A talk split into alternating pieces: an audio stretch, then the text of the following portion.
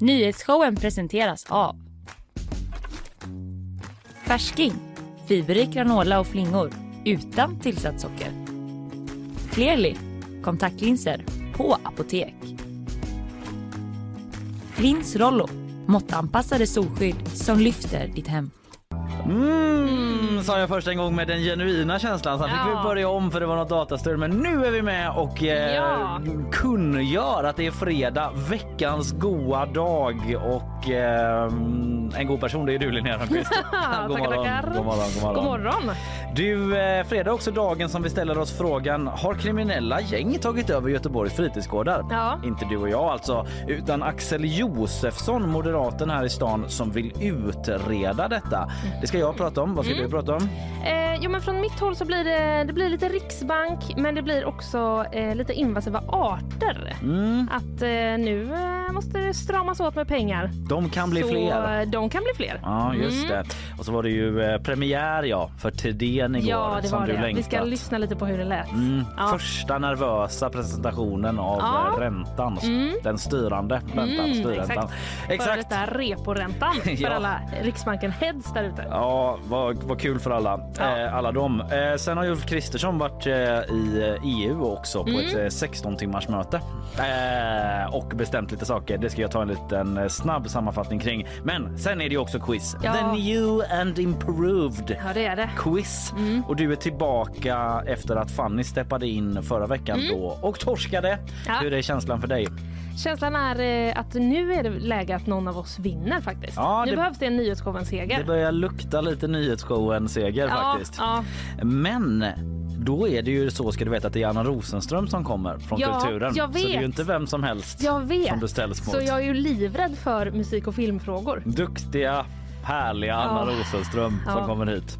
Eh, sen är det bakvagn, Sveriges dubbla pinsamma missade skidskytte-VM. Spann och spade eller hink och spade? En infekterad fråga som jag surt fått erfara. Eh, den eh, frågan har nu fått ett svar. Jag ska Mm. prata om det. Och så eh, har man hittat en ny konstig dvärgplanet också som det heter. Se om jag hinner med allt, men det har. Ja. jag på menyn där. Ja, men eh, jag bjuder också på lite grejer. Det blir till exempel tips om var eh, man bäst bor för att överleva en kärnvapenkatastrof. ja, Mm, sådana tips. Och så kanske lite. Ja, precis. Eh, och lite om eh, den här debatten om bio. Ja, en ny spelare har gett sig in. I detta. en, en ny spelare, ja. Ja. precis. Sen är det över kanske med hela kan debatten. över. Men nu Mm. är det ändå på högsta ort typ. Ja, det är det. Ja, eh, annars då? Hur är läget? Eh, jo, men annars är det bra. Det har inte hänt något spännande sen igår. Nej, Alls. visst har du inte det? Nej. Vet du vad jag har gjort? Nej. Jag moppade alla golven hemma igår. Herregud, vilket liv jag lever. Men Ja. jag gör det så, jag har typ nästan aldrig gjort det. Är det sjukt eller? Men vad då? Ni, när flyttar du in? Eller? Ja men alltså nu pratar jag inte ens om den här lägenheten. utan bara Nähä, typ någonsin. Ja. men Nej, men- nästan, det är liksom, men- jag dammsuger den, that's it. Typ. Ja, men det skulle, så skulle jag säga att jag också behandlar mina golv. Men vilken känsla. Ja. Vilken Mm, känsla när jag mm. glassade runt där igår kväll. Mm. Eh, det, är inte sällan, det är inte ofta jag mår så bra. Nej, Men det var jävla Moppa känsla. oftare då? Moppa oftare, det kommer jag göra. Ta det som ett löfte. Ja du, så här eh, lät det på en väldigt eh, välbevakad presskonferens igår. Välkomna till eh, den här pressträffen på Riksbanken. Det är jag, Erik Thedéen, jag är riksbankschef. Inflationen är idag alldeles för hög. Ja, jag klippte ihop lite. Ja, jag hörde Kortat det. ner. Men det kan man behöva. Eh, Ja. Hela ligger kanske på Riksbanken Play. Eh, för den som är Det sugen. gör den. Den finns Mm. även att se på gp.se. Ja, Hela presskonferensen. bättre. Då kan man till och med se från när de kommer in. Ja. Go, alltså, jag vet inte varför jag gjorde en gång i luften med fingrarna här. Du Det var är en ju, pedagog ändå. ja, uttrycksfull kan man säga. Men första sån här eh, erfarenheten för, Ja, för Erik Thedéen. Erik Thedéen, precis. Eh, de har ju ett lite annat tempo på Riksbanken så Mm. jag var tvungen att korta liksom Mm. lite. Eh, första räntebeskedet och det var att man höjer styrräntan då med 0,5 procentenheter. Mm. Mm. Nu är räntan uppe på 3% Det är den högsta vi har haft på 15 år. 15 år och då flaggar man ändå för att det ska bli ännu högre. Ja, Ja. det kan komma mer höjningar. Eh, TT har pratat med tre olika bankekonomer och eh, de säger att det här var tuffare besked än väntat. Alltså en Ja, högre höjning. De. Samtidigt läste jag på ett annat ställe att det var många som väntade sig den här höjningen. Ja, det, Så att, nyans, eh, ja, det finns nyanser. Det är många som tycker olika. Det var någon Mm. LO-ekonom som tyckte det var liksom för jäkligt. Typ, Ja, och nu får ni lägga ner och- med det de här drabbar höjningarna. Ja. hushållen. Ja. det gör det ju. Det, Det fattar det. ju alla. absolut. Eh, men han flaggar i alla fall då för att det kan bli ännu en höjning i april. April. Mm. Eh, vad betyder det här då för alla med bostadslån? Kanske Ja. du undrar? Ja, det gör jag sannerligen. Ja. Eh, kollegorna på ekonomiredaktionen här de har pratat med Frida Bratt som är sparekonom på Nordnet. Mm. Eh, hon säger så här, den mest direkta konsekvensen brukar ju bli att bolåneräntorna fortsätter att stiga. Men det har de faktiskt inte gjort i samma takt som Riksbanken har höjt räntan. Hör ni det, min bank? Ja, det kan ni ta till er innan ni tar nya men vet beslut. du vad? Det kanske är eh, så här är det då. Det kan ju hända om anledningen till att bankerna inte höjer så mycket är ju då kanske för att man till exempel vill locka nya kunder. Ja, ja, ja. Mm. Och sen? Och sen kanske man höjer. Ja, Det vet vi inte. riktigt. Men eh, det var i alla fall en liten recap Mm. om eh, vad som hände igår. Klart står i alla fall att folk drabbas. Jag stod vid våran sån eh, konvini-maskin där man kan köpa Ja. grejer samtidigt som jag i ekot eh, på lurarna som jag har på morgonen Mm. hörde lite grann om den här nyheten och kände Mm. bara ska jag verkligen Kände unna mig den här blöder? cigarettin? Jag kan inte liksom hålla på och köpa den här dyra maskinen nu hela tiden. Så det drabbar även helt vanliga människor som mig. Ja, tack för den eh, rapporten. Eh, vi ska till Göteborg nu då och jag ställer frågan återigen. Har kriminella gäng tagit över Göteborgs fritidsgårdar? Linnea? Eh, vad pressad jag blev. Är jag minister? Nej, jag skojar Nej. bara. Det ska inte du svara på. Utan Pass. Mm. eh, det ska en utredning svara på. I alla fall om Axel Josefsson, moderaten, får som han vill. Det är nämligen han eh, tillsammans med oppositionen här i stan, eh, Demokraterna, Liberalerna och Kristdemokraterna och Moderaterna då, som vill utreda hur det står till på fritidsgårdarna i Göteborg. Och det här med anledning då av rapporterna från Botkyrka i Stockholm. Just det. Den affären känner du ju till, du har Mm. ju pratat om den tidigare här i programmet. Eh, när den var liksom i sin linda, typ Ja. när det briserade. När den var färsk. Mm, och det har hänt ganska mycket sen det. Jag ska liksom Mm. sammanfatta det lite grann.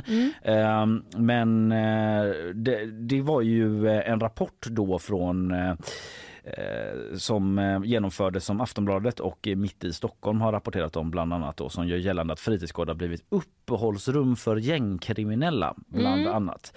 Eh, och Axel Josefsson här i stan i Göteborg då säger att det som hänt i Botkyrka där kriminella lyckats ta över fritidsgårdar är helt oacceptabelt. Vi återkommer till honom och till Göteborgspolitiken. Men det han refer- refererar till alltså, det är en rapport som då Aftonbladet och Mitt i Stockholm eh, bland andra har skrivit om inledningsvis och det visar på att kriminella personer har fått allt mer att säga till om på fritidsgårdarna i Botkyrka, säger rapporten. Att de sålt och förvarat droger i lokalerna, att folk som är obehöriga, som inte ska vara där liksom, ändå har varit det iklädda skyddsväst. Det är några saker som tas upp i den här rapporten. Och det ledde ju till att politikerna som beställde rapporten eh, i Botkyrka. Stängde ner de här fritidsgårdarna som drivs av ABF som är Sveriges största eh, studieförbund och eh, nära kopplat till Socialdemokraterna kan man ju säga.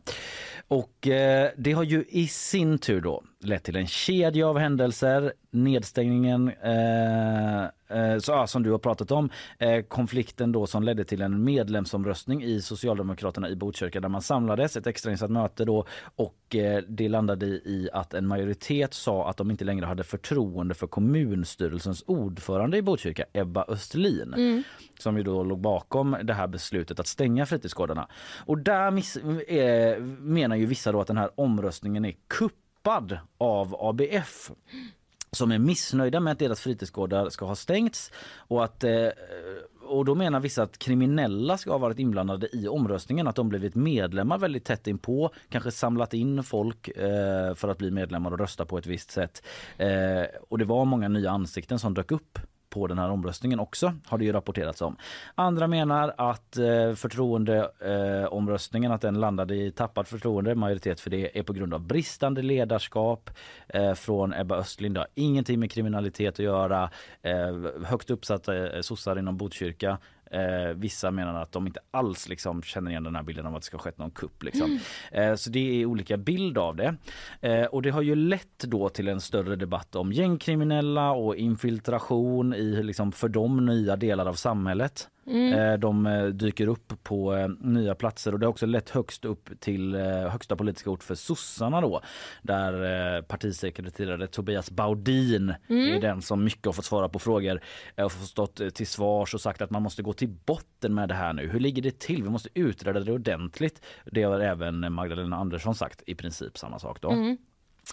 Och Moderaterna på nationell nivå inte bara här i Göteborg utan på nationell nivå. De har begärt en särskild debatt i riksdagen på ämnet infiltration och otillåten påverkan på demokratiska institutioner. Okej. Ja, eh, och det är med bakgrund då såklart mot det som har skett i Botkyrka. Men de menar också att eh, det finns flera exempel på detta och inget parti är skonat från risken.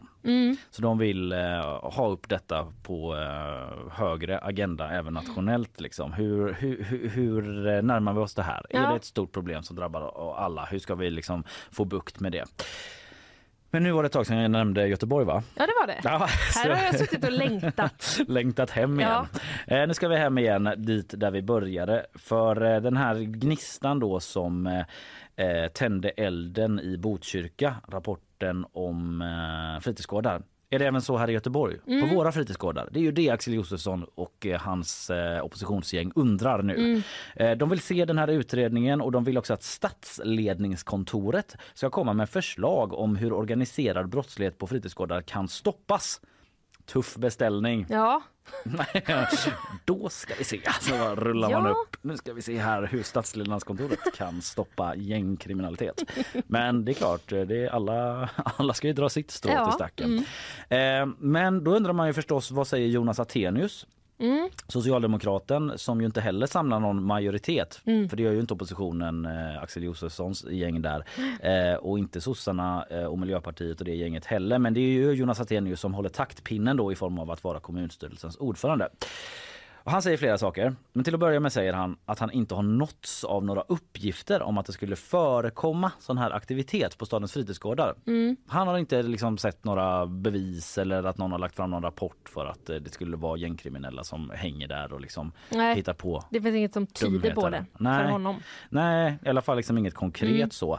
Eh, eh, och eh, han ifrågasätter också Attenius om det är kommunens ansvar att utreda och eventuellt då sätta in åtgärder mot grov organiserad brottslighet. Det säger han till oss på GP då i en intervju. Frågan är om Moderaterna har uppgifter från polisen att det förekommit kriminell verksamhet och om det finns det så är det främst en polisiär uppgift. Han menar liksom att det är polisen som jobbar mot det. Sen är det klart att kommunen kan hjälpa till men eh, men att det är ändå Polismyndigheten som jobbar med organiserad brottslighet, inte Göteborgs stad säger han. Vi kan bistå i sånt arbete men det är polisens arbete att motverka kriminell verksamhet. Sen skjuter han in Självklart ska det finnas nolltolerans mot gängkriminalitet och, och liksom, om det här förekommer så måste vi liksom slå ner hårt på det och titta på det.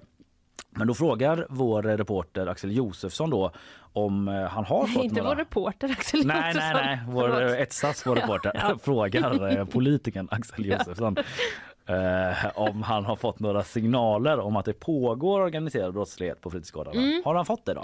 Eh, Vi har inga direkta bevis för det, säger Josefsson då. Nej. Men det är något som alltid funnits med i debatten kring fritidsgårdars verksamhet, säger han. Och han säger att han tycker det är viktigt att ligga i framkant i de här frågorna. Så okej. det finns inga bevis, men det har alltid varit snack om det, menar Axel Josefsson. Ja. Då.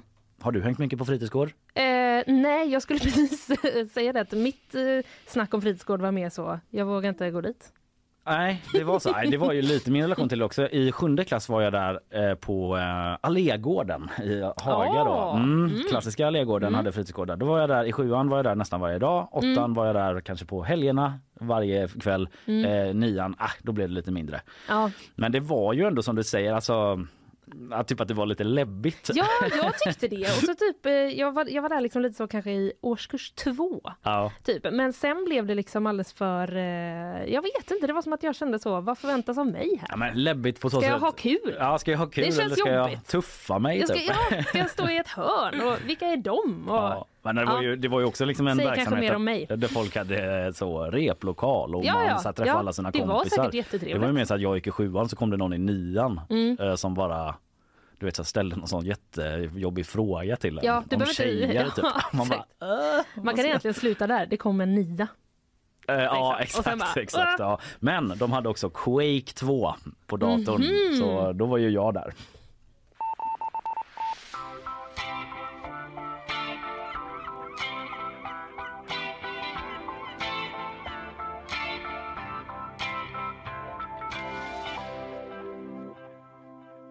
Ja, vi får se om det blir någon sån där utredning. De är ju inte i majoritet oppositionen Nej. Mm. eh, så de behöver väl få med sig någon till på det.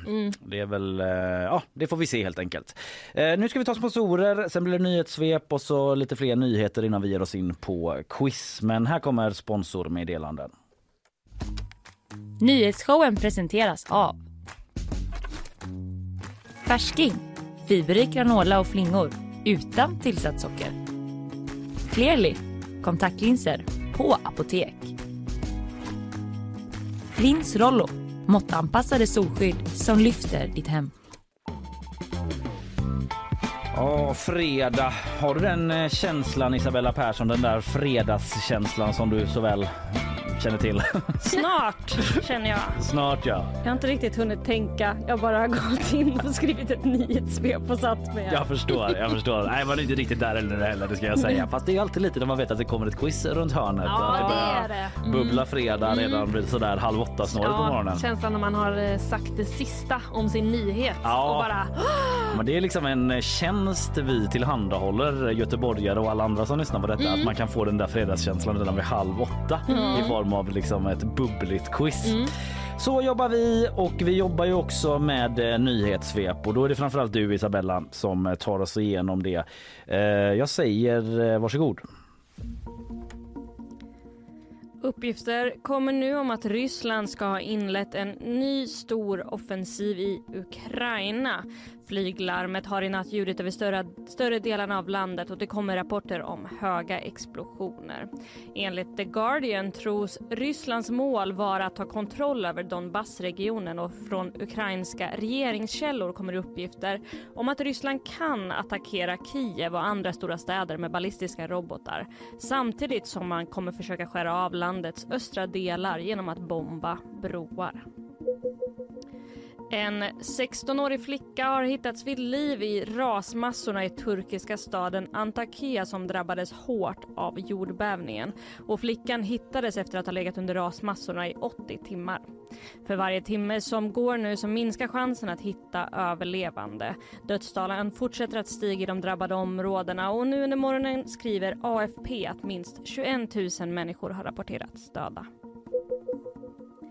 En man i 30-årsåldern hittades igår medvetslös på Hammarkulletorget. Polisen misstänker att han kan ha knuffats ut från en byggnad på torget och fallit från hög höjd. Polisen utreder nu händelsen som försök till mord alternativt dråp, men ingen har ännu gripits. Tack för det. Ja, det kommer ju fler rapporter nu om att en rysk eh, offensiv, Mm. en stor offensiv ska vara inledd i Ukraina. Men fortfarande Ja. väldigt mycket oklart kring det. Ja, just nu så verkar det ju, enligt de uppgifter som kommit, så verkar fokuset vara på östra Ukraina då, Mm. där man har inlett en offensiv. Ehm, forskargruppen ISW, eller vad man, Mm. hur man uttrycker säger det på svenska, ska ha ehm, oj, nu tappade jag tråden. Ja. Eh, vad skulle jag säga med det? Jag kommer tillbaka vi med det. återkommer. Det är många Ja. som eh, spekulerar och Jo, sig jo. om vad som sker. Ja. kom jag på vad jag skulle Mm. säga. Jo, de har skrivit att man inte tror heller att eh, det är liksom full styrka än, utan Nej. man tror att det kan eskalera under, under de, sena, de kommande veckorna. De kommande veckorna. Mm. Just det, detta följer vi på eh, GP, gp.se adressen för det. Det har ju också varit en eh, accelererad diskussion om eh, flygplan, huruvida det ska skickas till Ukraina. Ja, Alltså stridsflygplan Mm. snackar jag om då. Och det ska jag snacka lite mer om här om en alldeles liten stund. Tack så länge Isabella. tack.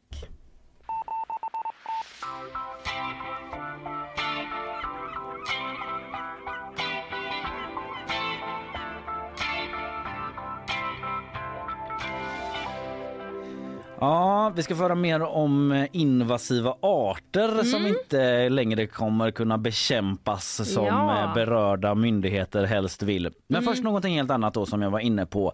Eh, 16 timmars möte. Har du Ja. varit på ett sånt någon gång? Nej, det har jag inte och jag måste ifrågasätta eh, effektiviteten. Ja, hur skulle du hantera det? Eh, jag skulle nog börja titta i kors och bara Mm. så säga. Nu får vi väl ändå äta pizza. Ja, och då säger de det är Ukraina och ett krig vi pratar om och då kanske du känner dig lite dum för det är nämligen det Ja. det handlar om. Ja, det var lite... Det är därför man eh, har nattmanglat för klockan 02.30 i natt. Så jag ryckte undan mattan på dig. Så Men du du visste ju verkligen vart det var la på upp väg. det för ett... Ja, jag glömde det i stunden. ja. Ja. precis. Japp. Ja, vi återgår till allvaret. Mm. Eh, halv tre i natt då efter 16 timmars möte kom han ut då från det här EU-toppmötet och en som var där det var ju Ukrainas president Volodymyr Zelensky. артилерійські гармати, снаряди до них, сучасні танки, далекобійні ракети. Ja, här radar han upp olika saker som Ukraina behöver då som han menar för att vinna kriget. Det är artilleri, ammunition, stridsvagnar, långdistansrobotar samt då moderna stridsflyg. Och just flygen, det är ju den frågan som det kanske snackas mest om just nu när det gäller vapen. Tidigare var det stridsvagnar, vi kommer ihåg, Leopard och så vidare. Nu är man inne på det här med flyg. Ska man skicka eller inte? Inte minst från svenskt håll. Det är ju en av våra stora försvarsprodukter. Mm. JAS Gripen. Eh, och vi sitter ju här uppe med den liksom och eh, ska vi skicka den eller inte? Det är ett väldigt modernt stridsflyg eller i alla fall modernare än modeller som man har i Ukrainas försvar då. Och en annan person som var på mötet relevant i det här sammanhanget det är ju vår statsminister Ulf Kristersson och han säger att det inte är läge att skicka Gripen till Ukraina åtminstone inte i nuläget. För svensk del är den inte aktuell just nu. För det första därför att vi har ett mycket stort behov av de flygplan som vi har själva. Ja, det sa han till Sveriges Radio då. Eh, Det är det viktigaste skälet. Eh, Sen skriver Dagens Nyheter om att en ytterligare invändning som har förts fram då det är att det alltid finns gränser i ett krig innan man i praktiken blir en del av det. Mhm, Du, Okej. du förstår liksom Ja. om man skickar vapen i en större skala och bättre och bättre vapen. Liksom Mm. så här, när är man en del av kriget och när är man det inte? Så här, det är någonting som man funderar över då, verkar det som. Men samtidigt då, Kristersson är inne på, eh, så har man, som han är inne på, så har man eh, börjat ge saker, alltså Sverige och andra, som inte var aktuellt för ett år sedan. Mm. Du förstår liksom att eh, Ja. behovet har ökat och man har liksom börjat flytta fram positionerna. Det händer saker. Det pratas nu om på ett annat sätt än tidigare. Ja, så det är en ny diskussion om eh, stridsflyg. Eh, men Sverige ska inte utbilda piloter då heller eh, som Storbritannien nyligen sa att de skulle göra. Men där blir det nej från Kristersson även om han också säger att han fattar liksom varför Ukraina vill ha de här planen. Det är en väldigt stor fråga som i praktiken kräver ett gemensamt ställningstagande, säger Kristersson. Den amerikanska ståndpunkten är väldigt tydlig. Jag tror inget enskilt land ännu har sagt att det är den här vägen man ska gå. Nej. Alltså att det är liksom ingen som har sagt så här, ja vi kommer skicka plan. Man behöver Nej. snacka ihop sig där. Ja. Hur ska vi göra? Lite Eh, samma som med stridsvagnar. Ja men precis, den diskussionen upprepar sig igen då. Eh, hur som helst, efter det här 16 timmars eh, mötet så lovade man från EUs håll då att göra allt i sin makt för att stötta Ukraina. Ett outtröttligt och långsiktigt stöd ska det vara för att de ska vinna det här kriget. Vi får väl se då om allt i sin makt innebär att även skicka flygplan.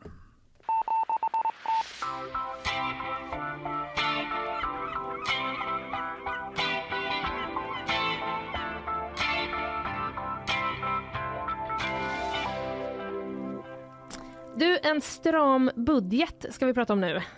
Ja, det får, jag fortsätter på ekonomitemat. är det min eh, januari, februari Mm. Ja, plånbok du pratar det om? känns ju som ett uttryck som har blivit allt mer populärt Ja, det får man att säga. använda sig av. Ja, men det är också någonting som regeringen har lagt, en stram budget. Ja, Mm. i dessa tider. Absolut. En effekt av det här är att det blir mycket mindre pengar till bekämpning av invasiva arter. Då undrar man ju vad tycker Naturskyddsföreningen till exempel om det här?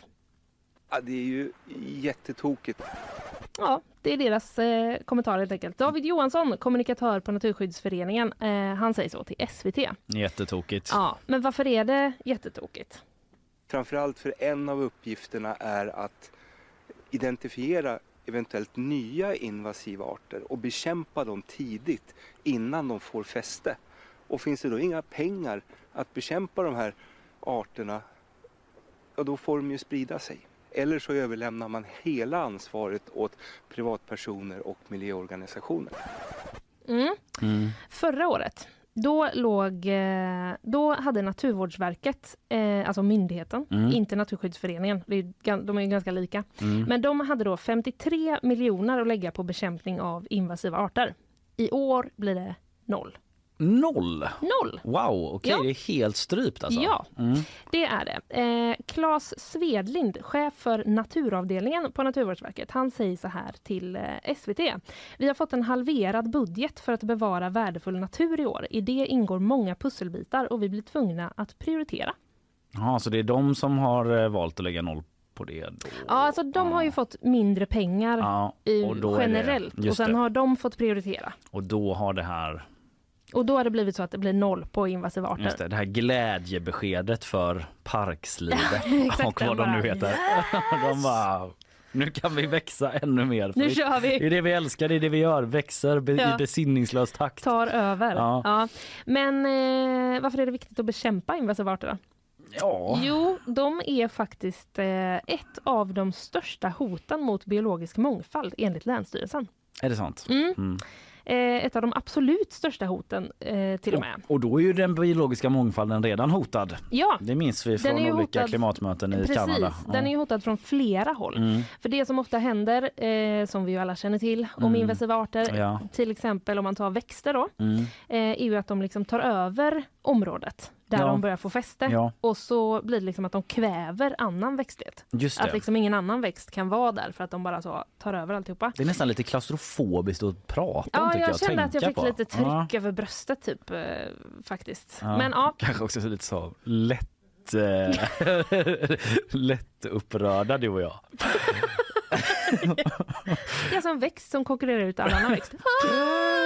Ja, men det är ändå allvar, obehagligt tycker jag. Ja men ja, det är det. Jag tror att jag också kanske tänker lite på den här växten i Harry Potter. Om du Ja, minns, när de liksom det. ramlar ner Mm, och så mm, börjar den mm. slingra. Ja, man- det är sånt ja, man så tänker på. Mm. Men det finns ju också eh, parkslide som vi var inne på. Mm. Det kan ju också förstöra på ett helt annat sätt. Alltså det kan ju förstöra liksom husgrunder. Ja, för det är den jävligaste invasiva arten som finns nästan va? Det skulle, skulle jag säga enligt min eh, begränsade Ja, kunskap. ja. Att det är min eh, uppfattning. Sen det finns det ju djur och sådär också. Men som växt är det väl i alla fall en av dem som är mest liksom. Ja, Den är liksom omöjlig nästan att bli av med och den tränger igenom Mm. betong. Typ. Det är lite som att det känns som att om man tittar på den, då har den spridit sig. ja precis. Att Titta man liksom smittar den med är ögonen. man i den. Tittar man på sitt hus sen efteråt så bara, åh nej, parkslide.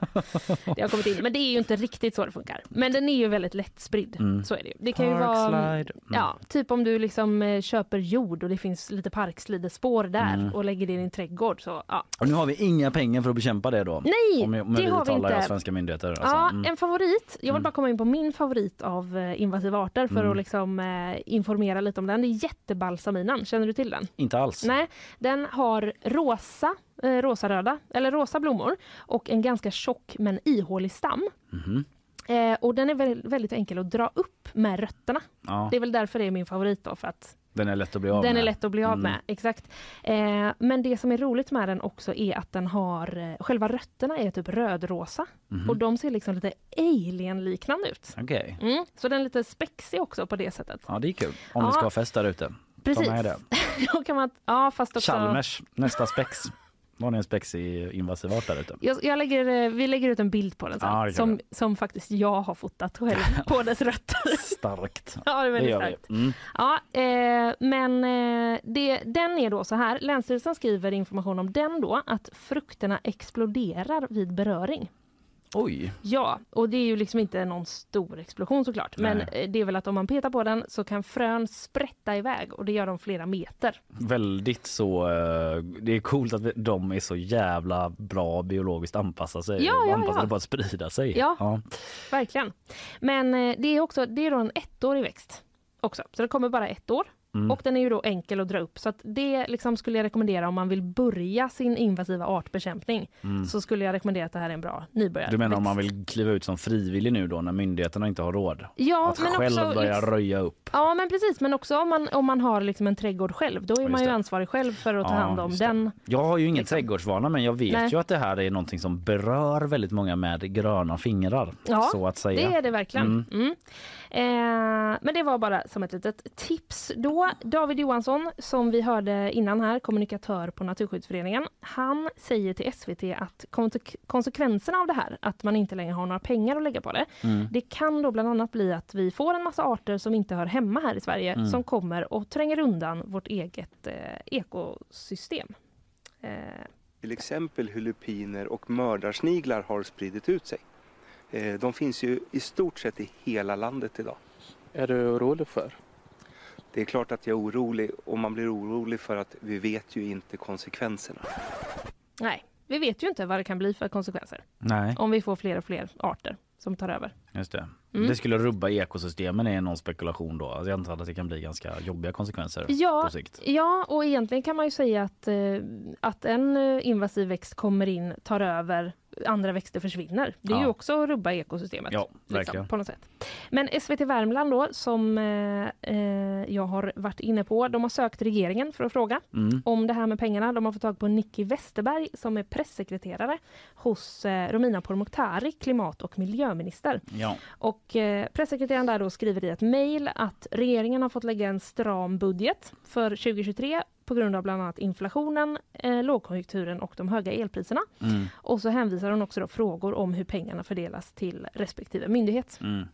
Och respektive myndighet i det här fallet är ju då Claes eh, Svedlind på Naturvårdsverket som Ja. vi hörde. Och han nämnde ju det här med att ja, vi fick mycket mindre pengar, vi har behövt prioritera. Mm. Och då valde de att göra så här. Mm. Men han säger också till SVT då att han hoppas att länsstyrelserna kommer fortsätta att informera fastighetsägare om de invasiva arterna. För som fastighetsägare har man ju ansvar för det som står Ja, på ja, sin ja. mark. Det blir mer ansvar på dem då kanske. Ja, det är väl eh, precis. Det är väl lite på det sättet som han hoppas då att det här kan fortsätta. Mm. Att, eh, att markägare kan ta ansvar för det. Visst det är som man i dem är ute med sån eh, eldkastare typ. Och eh, plattor så har jag sett ibland. Ja, det där nog känns mer, mellan plattor känns mer som så vanligt ogräs. Ja okej. Ja, Det kan det vi vara. kan åka ut till en, till en trädgård och testa det här en gång. Testa Då lite. kan jag visa dig jättebalsaminer. Ja. Eh, men så är det alltså. Ett av de största hoten mot biologisk mångfald. Ja, men jag hörde någon kommentar om det också att eh, just i klimatförändringarna när det blir typ varmare och så så är det Mm. invasiva arter, den här typen av växter som har så jävla lätt för att bara frodas på, eh,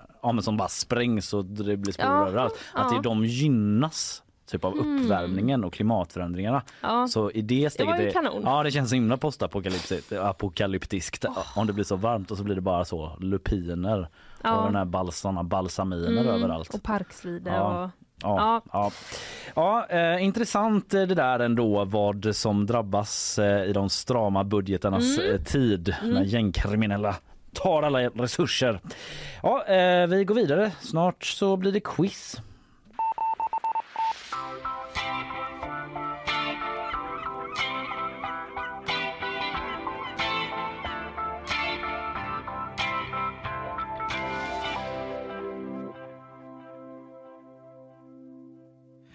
Ja, ehm, nej, vi- jag struntar i det. jag hade en idé, men jag struntar i det. Vet du vad, vi ska nämligen ha quiz snart. Det är hög tid för det. Anna Rosenström kommer hit från Kulturen och utmanar dig. Innan hon gör det så ska vi lyssna på våra sponsorer. Nyhetsshowen presenteras av Färsking, fiberrik granola och flingor utan tillsatt socker. Clearly, kontaktlinser på apotek. Lins Rollo, måttanpassade solskydd som lyfter ditt hem. Sådär ja, nu har det blivit dags eh, denna fredag den 10 februari där du eh, sitter eh, lite eh, smånervös kanske Linnea Ja, ja, det kan man verkligen säga. Och varför är du det? Jo, men för att nu har Anna Rosenström kommit in i studion. Det kommer att bli ett quiz och jag känner att eh, Nyhetsshowen-sidan har inte vunnit på länge. Nej, precis. Hur känner du Anna? Välkommen förresten. Ja, men ja, tack. Ja, ja, det är väl jag som ska vara nervös. Jag har aldrig varit med på det här. Jag har ingen aning om vad som kommer hända. Nej. Nej, Men hur, hur, har varit, hur har stämningen varit inför att du kom hit? Vi brukar ju alltid ta lite tempen hur det är där borta på kulturen. Karo Widenheim har ju representerat er. eh, Ja, hon var ju först ut i hela den här eh, Alltså att redaktionen kommer in och utmanar och jag Mm. för mig att hon vann till och med. Det tror jag också Ja. att hon gjorde. Eh, Hon har inte skrutit så mycket om hon det för jag visste inte ens det här. Nej, du visste inte det. Okej, okej. Okej, lite besviken Men nu känner det. jag ju press. Ja, nu känner du det. det. Det är klart att det kan vara lite så. Men vi försöker ändå fokusera på att lära oss saker och att ha lite roligt också längs vägen. Skönt. Så jobbar vi. Mm. Eh, jag eh, upprepar kort hur det här går till. Vi, eh, det är som lite nutidsorientering här då. Vi går igenom dag för dag, måndag till torsdag. Nyheter som vi pratat om. Ni får lite frågor på det. Vissa är ja, lite mer som nutidskryss i skolan. Hade ni det förresten? Ja, Ja, faxuellt kallades det i min skola av någon anledning. kom det via fax Är det eventuellt? någon sorts eh, ihopslagning av liksom sexuellt och Nej? Eller Nej, varför väl aktuellt. Ja, aktuellt? Men, kom eh, igen Kalle. min hjärna. ifrån. liksom faxuellt, det låter det är exet som är med där också som gör för sin Just det, aktuellt. Ja, jag tycker ändå den var svag. Ja, det är jag tycker inte namnet, heller det är... Mm. Nej. Vi hade det också i vår klass eh, där jag och Karl gick i samma klass på, Nord, eh, på Nordhemskolan. Mm. Outar jag det. Men då vann alltid Karl. Varje gång vann han. Han var bäst i klassen för det. För att han typ alltid tittade på Rapport med sina föräldrar. Ja, men jag brukade faktiskt också ligga ganska högt upp. Det var Ja, det- jag och en tjej som heter Marie som fightades varje vecka. Jag tror aldrig någon vann över Karl. Ja, ja, skitsamma. Eh, vi ska in då på quizet eh, och eh, som sagt, det är ju en eh, fråga från varje dag i veckan och sen lite mer kreativa ronder kan man säga. Men vi brukar ju alltid be Tommy Nilsson att eh, sjunga in oss i quizet varje vecka och det gör han även den här gången.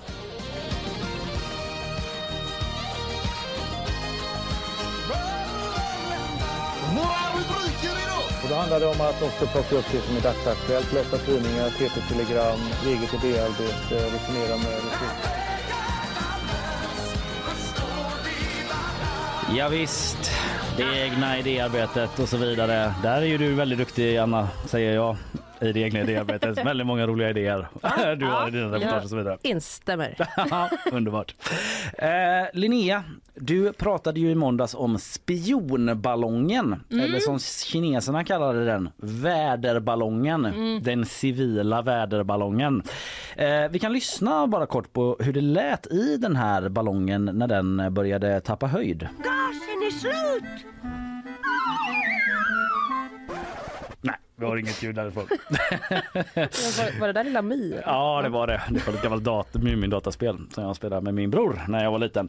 Eh, Som ploppade upp i huvudet när jag tänkte på den här nyheten. Men den var ju obemannad den här eh, eh, ballongen då när den senare sköts ner. I alla fall, eh, det talas ju om frostiga relationer då mellan USA och Kina. Ett nytt sorts kallt krig har vissa sagt till och med. Men eh, nu till första frågan. Eh, som är en alternativfråga då. Eh, hur fick USA till slut ner den här ballongen? Och då får ni alternativ här. Alternativ nummer ett. Man hackade kontrollpanelen och landade ballongen. Två. Man sköt sönder den med stridsflygplan. 3. Man omringade den med drönare som sakta pressade den neråt. 4. Med hjälp av ett slags avancerat lasso som kastades ut från, ett, från en helikopter. Där har ni de alternativen. Eh, fråga nummer två då medan ni funderar. Eh, vi pratade också om protesterna i Danmark som pågick under söndagen när uppemot 50 000 pers enligt arrangören samlats utanför riksdagshuset för att protestera mot att regeringen tänker ta bort, rakt av stryka, den nationella helgdagen Store Bederdag. Store bededag. eh, som den heter. Eh, men eh, på tal om Danmark då så ska vi återvända till en eh, rond lite grann som vi hade på tal om Finland förra veckan. Eh, det kan ju vara lite svårt att förstå danska ibland. Håller ni med? Jo, tack. Ja. jo tack. Eh, och vi ska lyssna lite nu på en av de kändaste danska låtarna som finns. Jag talar om Fly on the wings of love med Olsen Brothers. Fast på danska. Det var ju för övrigt Olsen Brothers som eh, hävdar jag bestämt var först i Norden, kanske i Europa, med autotunen. Eh, de breakar ju den här. Alla vet ju att Cher var före med Do you believe in life after a love? Men eh, lyssna här. Smukkere ser hon ut År efter år Mm. tidiga där. Du som sysslar mycket med musik Anna, håller ja, du med? Ja, absolut. Ja, i lilla breaket där innan de liksom kliver upp en oktav, oktav in i sista refrängen. Mm, rysningar. Eh, I alla fall, vi ska lyssna nu kort på när Olsen Brothers eh, sjunger sin låt på danska. Och eh, vi kommer in i refrängen och då undrar jag, vad sjunger de egentligen? Jag vill att ni skriver ner på danska. Vad är ordalydelsen i den här refrängen? Det vi hört. Och då är det mest rätt som vinner där jag liksom avgör vem som kommer närmast. Och då får man lyssna efter de danska orden. Eh, här eh, kommer det. Smukt som ett stjärneskudd Som tiden går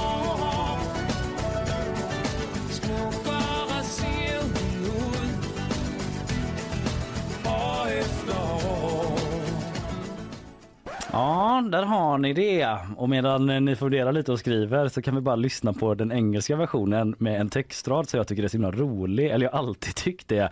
Eh, den här. There's just one more thing I'd like to add Ja men liksom att det är sån eh, fotnotspop.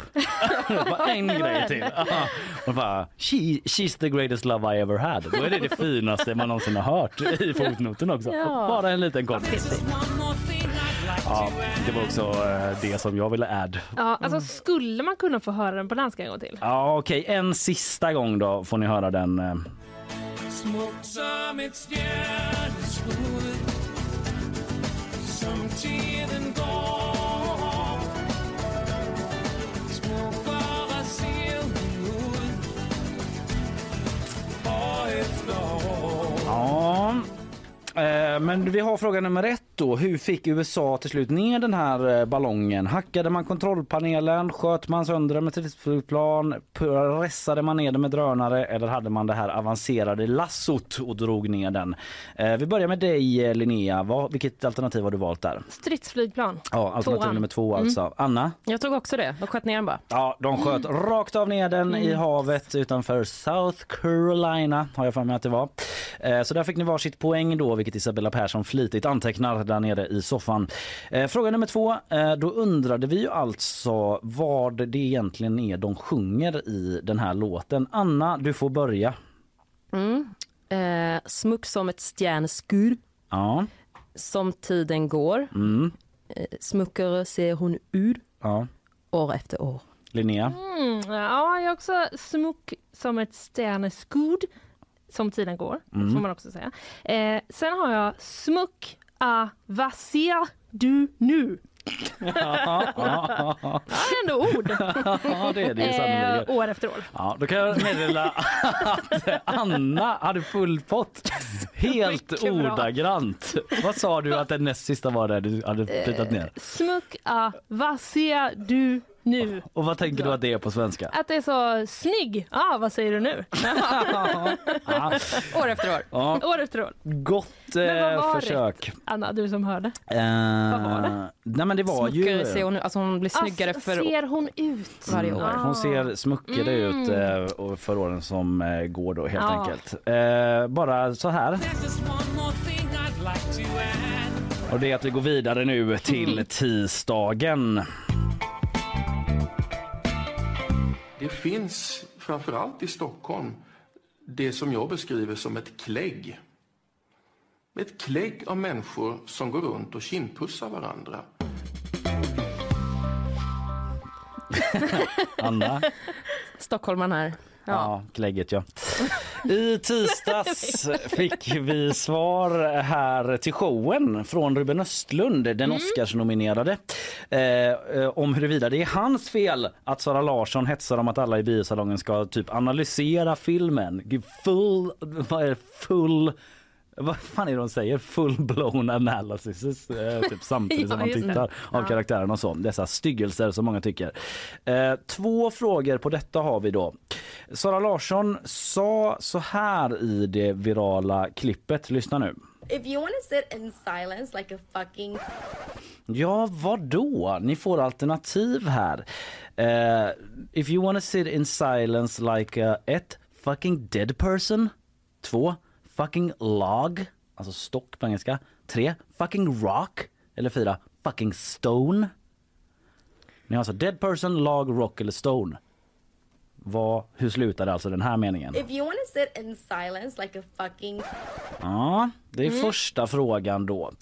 Sen har vi fråga nummer två. Nu blir det ett litet test här. Jag har tagit ljud från fyra filmer och så har jag lagt på ljud från Sara Larsson i bakgrunden. Lite för att gestalta hur det skulle kunna vara att gå på bio med Sara Larsson. Man sitter där och försöker liksom avnjuta filmen och då sitter hon och ger liksom en liksom full analys av karaktärerna. Nu har jag inte hittat ljud där hon ger en full analys av olika Nej, karaktärer okej. till de här Mm. specifika filmerna. Mm. Mm, Utan det är från intervjuer med henne. Mm. Så det är Mm. möjligt att ni kommer att höra typ så Fredrik Skavlan ibland också. Så det kommer inte make sense liksom? Nej, nej, nej. Det är bara typ ett sånt sammelsurium Mm. av film och Sara Larsson. Mm. Men eh, då vill jag såklart att ni ska säga då vilket, eh, vilken film det är vi hör ifrån. Och då går det till så här att eh, ni ropar ut ert namn Mhm. när ni Ah. tror att ni vet. Okej. Och svarar man rätt får man poäng, svarar man fel då går poängen över.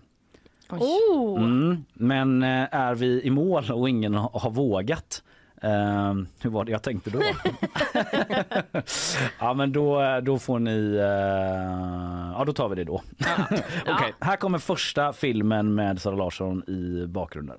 Jag tror att alla varit i den situationen. Att man antingen är den personen eller så är man den som vill att den här Anna. andra människan Eh, där. Ehm, Notting Hill. Fel! Rätt svar är Titanic. Fan, det är min favoritfilm. Då blir förstörd av Sara Larsson här. Ja, jävla Sara. Ja, jag Förlåt, jag bara kände så här, vad störigt det var. Ja, väldigt. Jag kan lyssna en liten bit till här. Att man antingen är den personen eller så är man den som vill att den här Right andra är när de sitter på den här middagen och DiCaprio Ja, liksom han är eh, inbjuden, pratar med de det. eh, rikingarna Eller där. kanske på klubben någon kommer fram och bara, jag är inte intresserad. Och Just i det här läget framförallt känner man ju bara, kan vi prata sen Sara? Ja, även om det är liksom någon feministisk analys du är ute på här. Bara, nu är det Titanic. Eh, ta det sen. Okej, här kommer eh, nästa film. Nej, men han var helt fantastisk. På vilket sätt? Han, eh, jag tror faktiskt att han var den största anledningen till varför vår klass hade så sammanhållning. Legally Blonde. Rätt! Visst är det Legally Blonde! Den sista scenen Oh, där när hon svett. cracks the case. Vad snabba ni är. Ja, vi lyssnar inte vidare på det. Jag känner själv störigt det. Okej, eh, vi har fyra filmer. Vi är halvvägs igenom. Här kommer eh, nästa.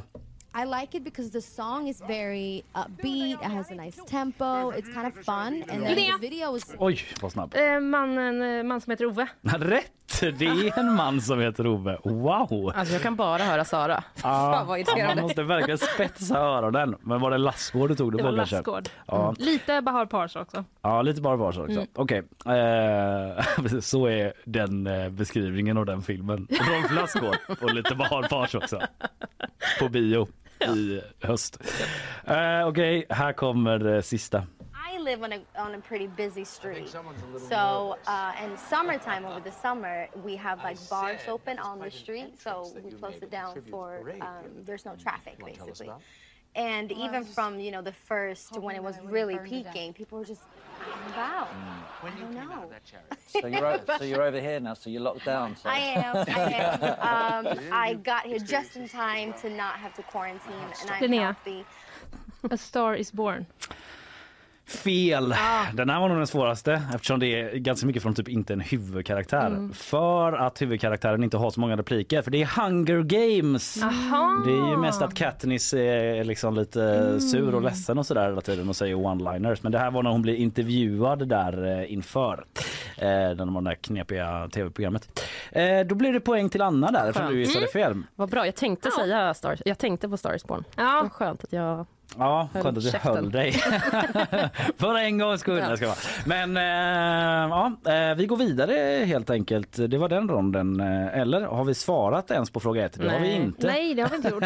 Vad var det? Like a fucking dead person, like a fucking log, like a fucking rock eller stone? Linnea? Jag säger Stone. Anna? Jag säger dead person. Stone är rätt svar! Like a fucking stone var det hon sa. Så det blir poäng till Linnea igen. Och då har det blivit dags att gå vidare till eh, onsdagen.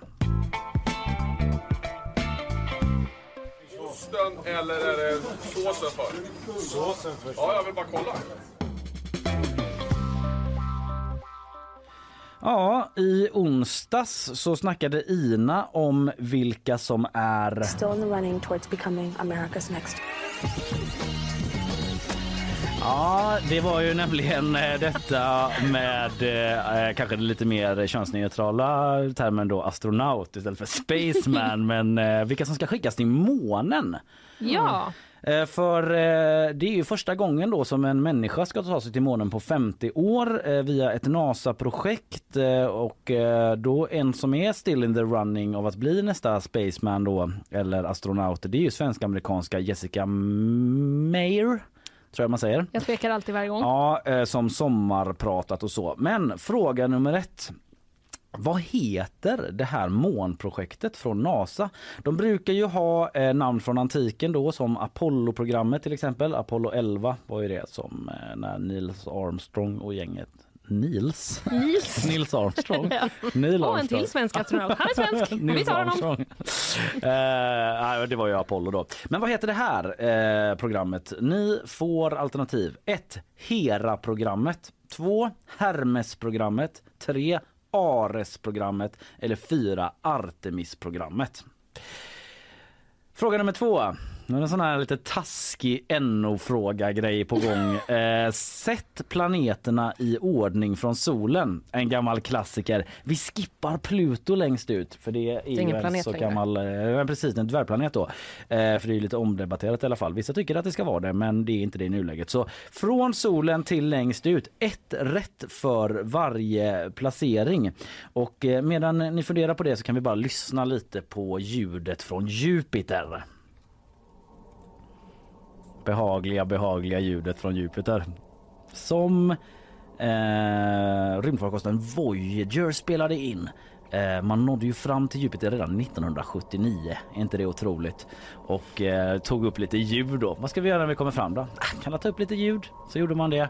Och eh, här har ni det. Medan ni funderar. Det suggestiva, suggestiva ljudet från Jupiter. Eh, vi börjar... Får man veta hur många det är totalt? Eh, Kanske har glömt någon. Nej men åtta är det, vi kan få veta. Du är som Sara Larsson över Jupiter, skriver Karl. Försöker lyssna här. Ja, vi försöker faktiskt höra. Och då sitter jag och ger mig en full Blown. Bli, bli, bli, bli. analysis av det här ljudet. Ja. Eh, nej men först ut, vad heter då det här eh, nya månprogrammet? Är det Hera-programmet, Hermes-programmet, Ares-programmet eller Artemis-programmet? Eh, Anna, vad har du svarat? Jag skrev ettan, Hera. Mm. Och Vild gissning. eh, Linnea? Artemis eh, kände jag. Rätt svar är Artemis. Jakten och månens gud. Mhm. Ja, Mm. så till och med så är det. Sen hade vi ju den här eh, som man har sett på olika planscher i olika NO-salar och diverse pojk och flickrum eventuellt också för de intresserade. Hur ligger det till med planeterna? Åtta stycken är de. I vilken ordning kommer de? Och då får man rätt för varje man har placerat rätt då. Och då får du börja Linnea. Vilken ordning har du dem i? Jag har dem eh, från närmast solen Ja, och bakåt. Ja.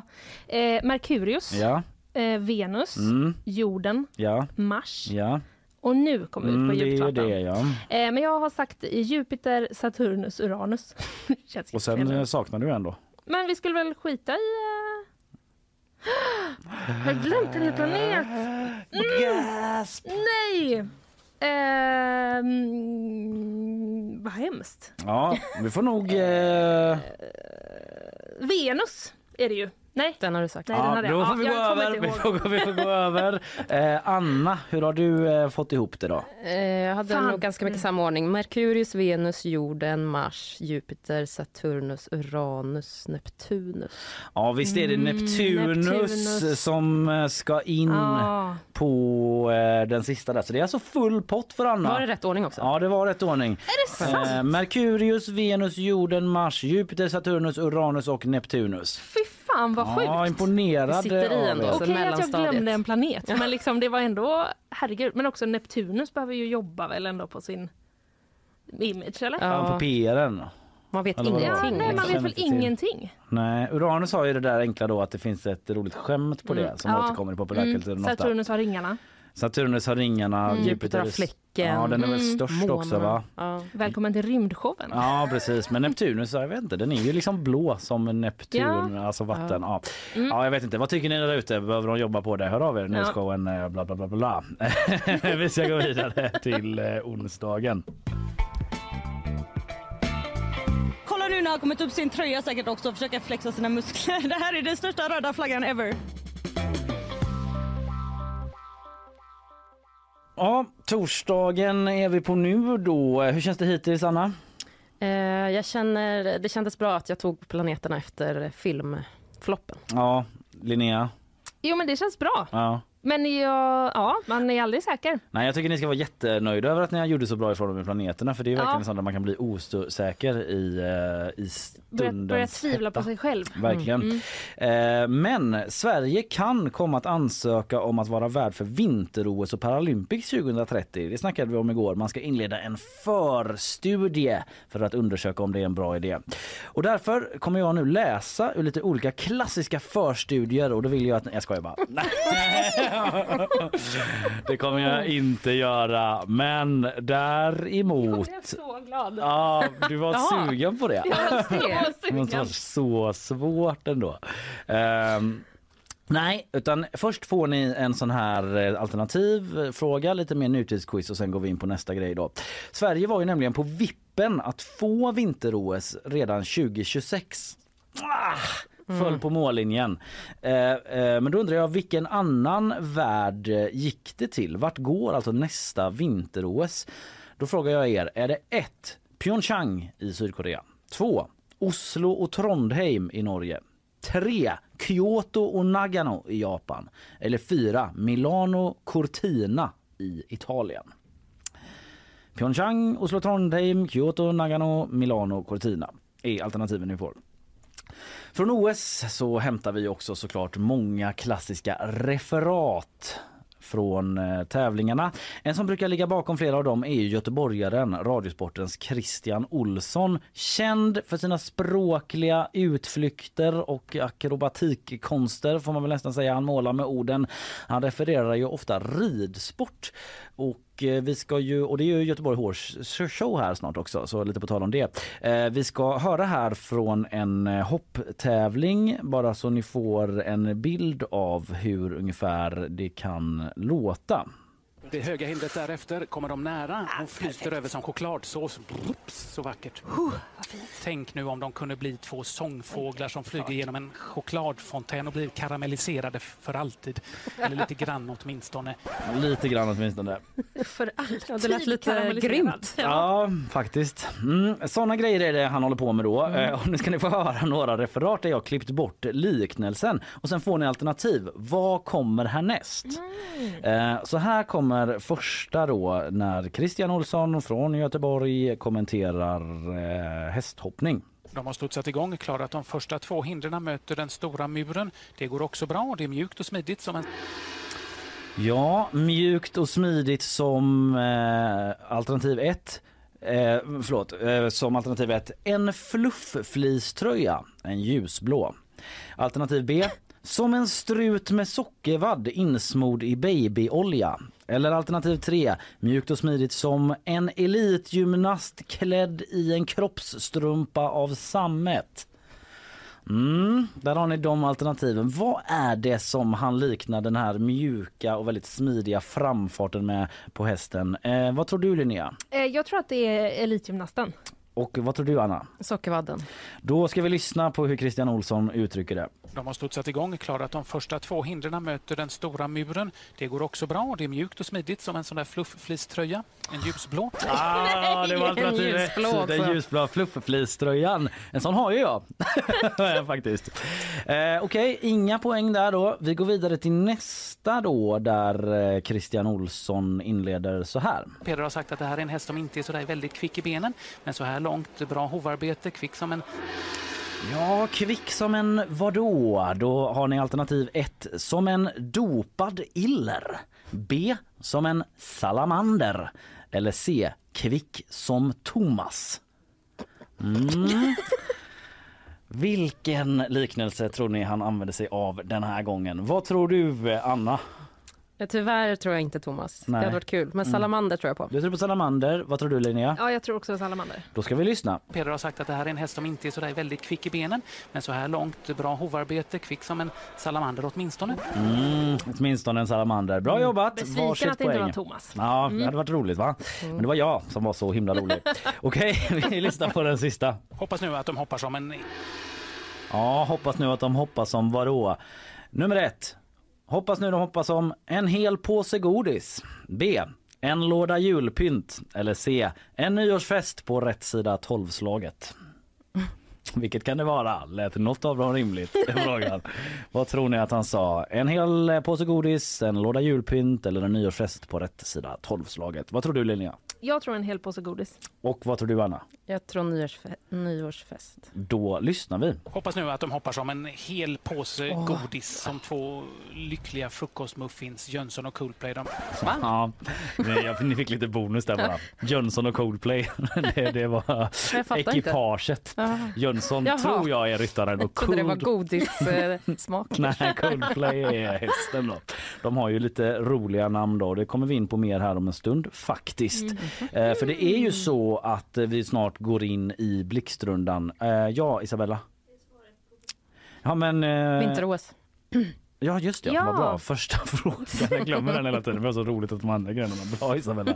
Vart går vinter-OS? Vart går nästa vinter-OS? Ni fick ju alternativen. Pyeongchang i Sydkorea, Oslo Trondheim i Norge, Kyot- Kyoto Nagano i Japan eller Milano Cortina i Italien. Vad tror du Anna? Jag tror Oslo Trondheim. Och vad tror du Linnea? Milano Cortina. Det är rätt, Milano Cortina. Fan, alltså. Italien är det som brädade oss den gången i det här landet som är sämst i världen på att ansöka om att hålla OS som Johan Esk på DN uttryckte det.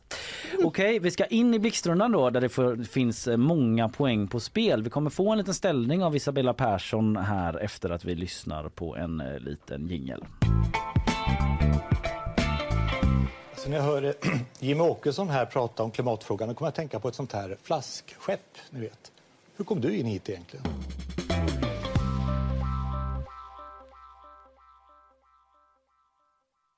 Så det, det var så många gamla resultat på den också. Får jag titta på den en gång till? Förlåt. Ja, tack. Ja, vi har ett resultat hittills så eh, då. Det är att Anna du har 12 poäng och eh, Linnea har 16 poäng. Fyra poängs skillnad och det finns klart fler poäng än så att Mhm, spela om i mm. blixtrundan så det är på intet sätt över för det. På tal om ridsport och att Göteborg Horse Show ju börjar snart den 22 ja- eh, februari för att vara specifik så ska vi nu spela den här ronden som jag har valt att kalla Är det där verkligen namnet på en riktig och professionell travhäst? Hail Mary, ettorna, en bit ut till banan, undringen till mål. Hail Mary, ettorna, Hail Mary, det är ettorna!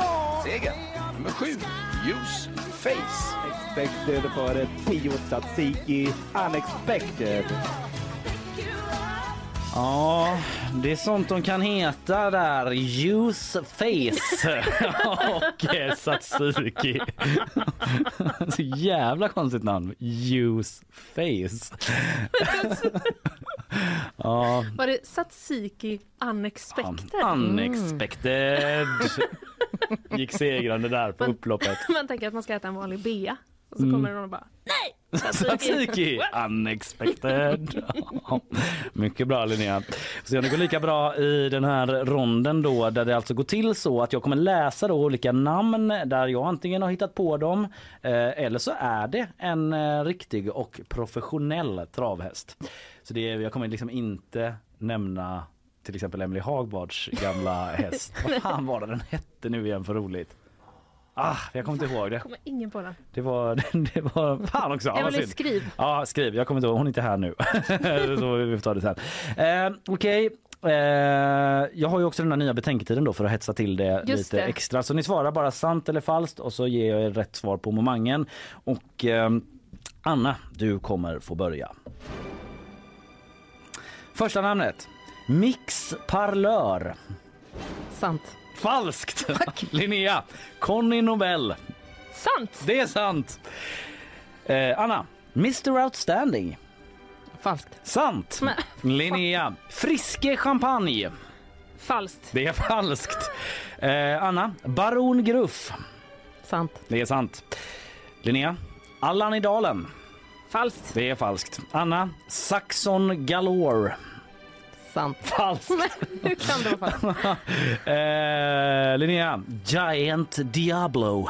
Sant. Det är sant. Eh, Anna, Egoboy. Sant. Det är sant. Eh, Linnea, Scandal Play. Ja. Ja, det är sant. Gud. Eh, Anna, Nixon Frost. Falskt. Falskt. Rätt. Och eh, Linnea, Sahara Dynamite. Nej, falskt. Det är sant. Ah. Men där är vi i mål. Eh, Om man kände att vad duktig du var på det här Linnea. Vet du vad jag gjorde? Nej. Jag kopplade upp mig mot min morfars hjärna som kollar på trav hela tiden. Oj, du har Ja. den. Det kände inte jag till. Mm. Visste inte heller att du hade den förmågan. Nej. att koppla upp sig mot sin morfar på direktlänk på det sättet. Ja, det nej, är inte alla som har det det. har vi i min släkt. Eh, Jag är ju också från Mölndal där Åbytravet ligger. Just det. Så jag är nära både just i det, just kropp och själ. Men jag vill bara poängtera att det är inte så att jag kollar på trav ofta. Ja. Eller går dit. Eller Vill så. ni få en bonus då? Mm. Eh, fråga båda får svara. Mm. Klampus.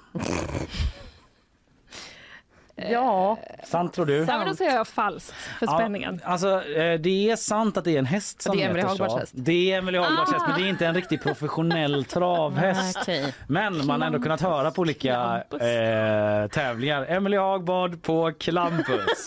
När hon kom ut och hoppade väl mest tror jag. Gulligt. Eh, att hon ägnade sig åt vår eh, medarbetare här. En Emelie häst Hagbard. vi minns. En häst vi aldrig ska glömma. Eh, vi ska få ett resultat eh, alldeles, alldeles snart. Så Kohl är ohyggligt upprörd när han kommer in. Så sätter han sig och så börjar han liksom på att äta smör. Ja, hur... eh, Jag tar alltid den sportfrågan. Hur känns det, Anna? Ja, men det känns okej, men eh, jag förstår ju att jag har förlorat. Ja, men vi gör så här, vi säger, det gick så himla bra för dig här på slutet så vi har ett slutresultat. Det är så att Anna Rosenström från kulturredaktionen har landat på 15 poäng men Linnea Rönnqvist 21 poäng. Yes! Ja, vi tar en liten Alltså applåd där. ändå. Mm. Ja, vi, det låg eh, lite... Nyhetsshowen är tillbaka. Nyhetsshowen är tillbaka efter några tuffa veckor. Mm. Eh, så eh, följde sig så väl.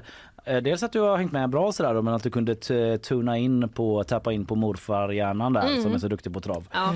Eh, Anna, ingen ska, skugga ska falla över dig. Full pott på planeterna. Ja, bara det en sån sak. Fan, jag kommer leva på det hela helgen. Ja. Planeterna. Mycket alltså- bra. Eh, du får försöka liksom eh, på någon sorts eh, ja, liksom tankekraftsätt styra in samtalen på det. Mm, mm. Prata planeter och så. Så, så det Rymden. får skina igen. Mm, Ja. mm. Eh, vi kommer faktiskt komma in lite grann på rymden tror jag i bakvagnen när vi Ja. går in på den. För vi kommer prata lite mer nyheter. Det gör vi alltid Mm. för att runda av fredagsmorgonen innan vi skickar in folk i helgen. Eh, vi skickar ut dig från studion Anna med värme. Tack Ja. för att du kom hit idag. Tack, Vi tack. går vidare.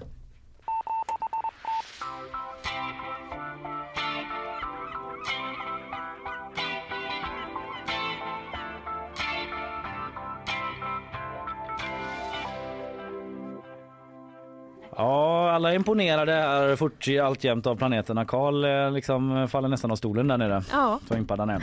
Eh, vi ska ta lite sponsormeddelande, sen blir det nyhetssvep och lite mer om dvärgplaneter men eh, också en del annat. Här kommer sponsormeddelanden.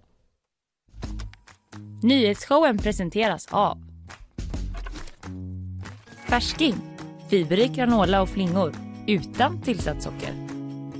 Clearly, kontaktlinser på apotek. Lins Rollo, måttanpassade solskydd som lyfter ditt hem.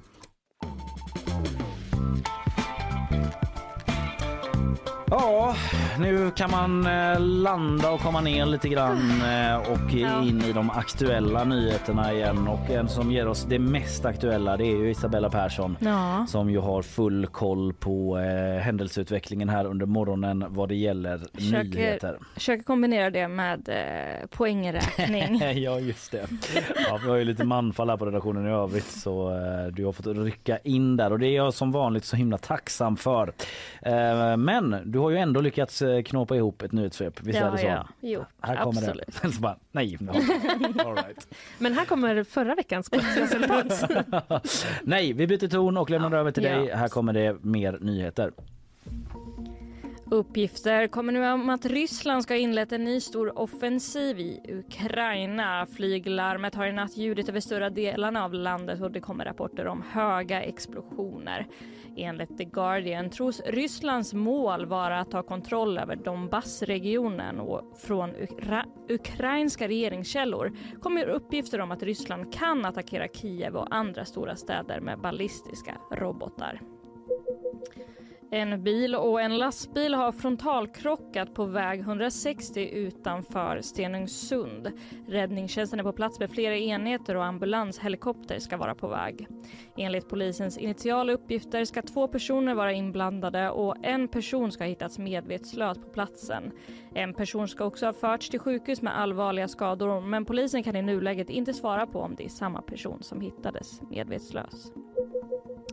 En 16-årig flicka har hittats för liv i rasmassorna i turkiska staden Antakya som drabbades hårt av jordbävningen. Och flickan hittades efter att ha legat under rasmassorna i 80 timmar. För varje timme som går nu så minskar chansen att hitta överlevande. Dödstalen fortsätter att stiga i de drabbade områdena och nu under morgonen skriver AFP att minst 21 000 människor har rapporterats döda. Och avslutningsvis, simhallen Pingvinen i Varberg har tvingats stänga efter att flera besökare drabbats av så kallad badhusfötter. Detta rapporterar SVT Halland. Badhusfötter orsakas av en bakterie som är relativt ny och kan orsaka inflammation och skapa rodnad och smärta under fötterna. Man stänger nu ner verksamheten för att sanera och städa anläggningen samtidigt som man framöver rekommenderar besökare att bära tofflor. Se där ja. Mm. Brukar ni ha tofflor på badhus annars med? Eller blir det en ny eh, Nej. förändring i beteendet för er nu? Alltså, jag, det är väldigt, eh, alltså s- eh, från att man var liten till nu då, när man har blivit vuxen, Mm. så har liksom gången när man besöker ett badhus har minskat ganska mycket. Ja, där har du en poäng. Jag Mm. såg faktiskt, eh, de, är- det är ju ett nytt badhus nu som snart invigs i Mölndal faktiskt. Ja, så. eh, om ni vill höra något om Mölndal. Så att, eh, då blev jag lite sugen på att gå på badhus. Men eh, nu... Eh, mm, Ja men det är helt Mm. nytt. Det kanske är de... eh, ja, jag får gå först då. innan- Rusning till lokala toffelbutiken i Ja, Mölndal det ändå. kan det bli. Kan det bli mycket väl. Ha alla de här andra väldigt eh, aktiva nyhetshändelserna om eh, den eventuellt stundande storoffensiven då i Ukraina från ryskt håll och eh, fler eh, vittnesmål och uppdateringar från jordskalven i eh, Turkiet och Syrien. Det följer man på gp.se allra bäst. Eh, tack så länge så Isabella. mycket. Vi eh, går vidare.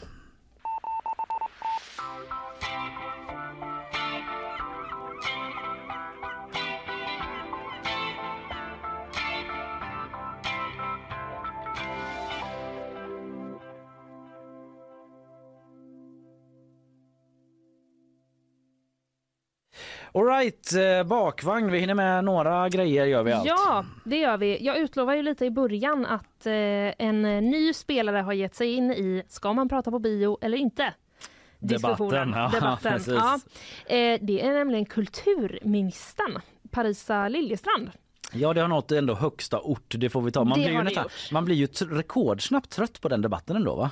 Ja, Annars. Men nu är, det ändå, nu är det ändå självaste kulturministern här då som ger sig in. Ja, det är det. Eh, det är då... Eh, ja men precis, vi har ju varit inne på den flera Ja, gånger ja. och i, i quizet har vi också varit. Ja, Eh, Sara Larsson tycker man ska liksom prata på bio och analysera Ja. filmen. Ruben Östlund är lite inne på samma spår. Mm, ja, precis. Eh, men vi kan lyssna på vad eh, kulturministern säger då.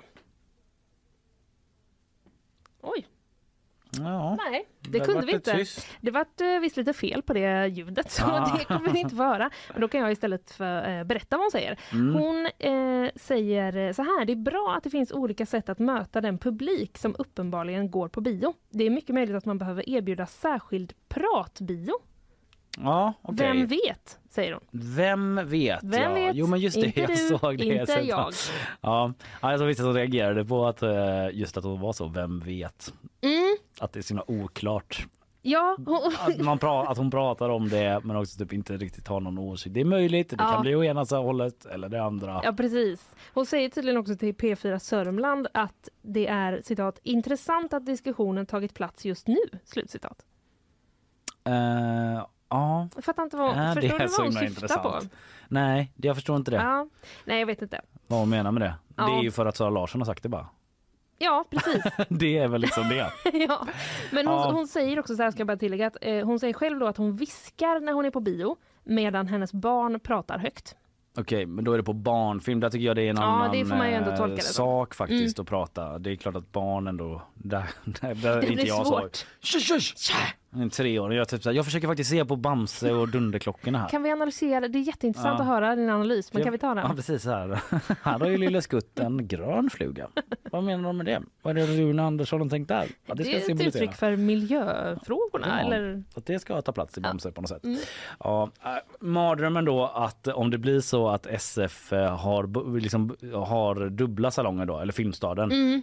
Eh, aktiva och Snack och tysta. osnack. Och så råkar man boka fel och så bara ja, nu ska jag se den här filmen och så bara ah, nej, jag har Ja. den aktiva salongen. Mm, För mm. där måste det vara såna jävla edgelords till slut som handlar också som ska ha så, så vassa takes på filmen. Du Ja. vet, samtidigt om det är en sån en plats för analys Det, medan man ja, pratar. visst, det kan ju byggas en viss press på snacket som ska ske. Verkligen att man ska ha Ja. med sig en liten åsikt eller typ börja så. Ja, nu, tycker, nu tycker jag det är två fyra. Ja. Ja, nu är jag uppe på tre. Ja. Ja, nu är jag nere på ett Ställer faktiskt. sig upp och bara, Ja. hörde ni där borta nu att jag tycker eh, detta? Live-recensera liksom ja, minut men det minut. känns ju också som att det kan bli svårt för eh, i den tysta salongen för då kanske det blir liksom supertyst kram. Ja just det, att man knappt vågar andas typ, eller eh, svälja. prassla lite med någon godispåse. Man, man sitter liksom och låter, låter saliven bara rinna Ja, ut man så. kan inte ta man upp vågar inte svälja. Nej. Oj, jag sa. Det verkar inte göra det. Nej. Får bara sitta. Dödstyst. Ja, det blir problematiskt åt Mm. båda håll där Ja, kan jag uppleva. mm. Har du verkligen eh, tänkt igenom där eh, Parisa Liljestrand, Ja, moderat vem- vem eh, vet? kulturminister? Som hon sa. Vem vet? Å Mm. andra sidan har hon ju den Ja. brasklappen. Mm. Vem vet? Så Kohl är ohyggligt upprörd när han kommer in. Så sätter han sig och så börjar han liksom på att äta smör. Ja, eh, Lars Gunnar Andersson. Det är en språkvetare det. Mm. Och han skriver en spalt här i GP. Han har ju varit i Sveriges Radio och liksom eh, pratat om språk i många år. Du har ett A, du har ett U, du har ett V, du har ett hårt V så går du vidare på det.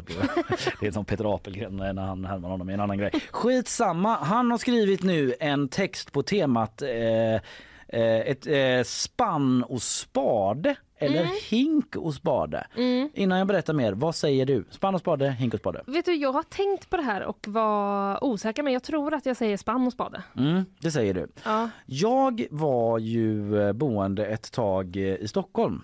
Om du känner till det. Ja. Eh, men, och Det var, känner jag till. Ja, då fick jag barn och eh, då var jag en del eh, i sandlådor. Ja. Olika sandlådor. Och en gång då när jag var vid den lokala öppna förskolan och sa liksom typ så här, bara, ja där ligger ju spann och spade. Mm. Till min son sa jag det då. Mm.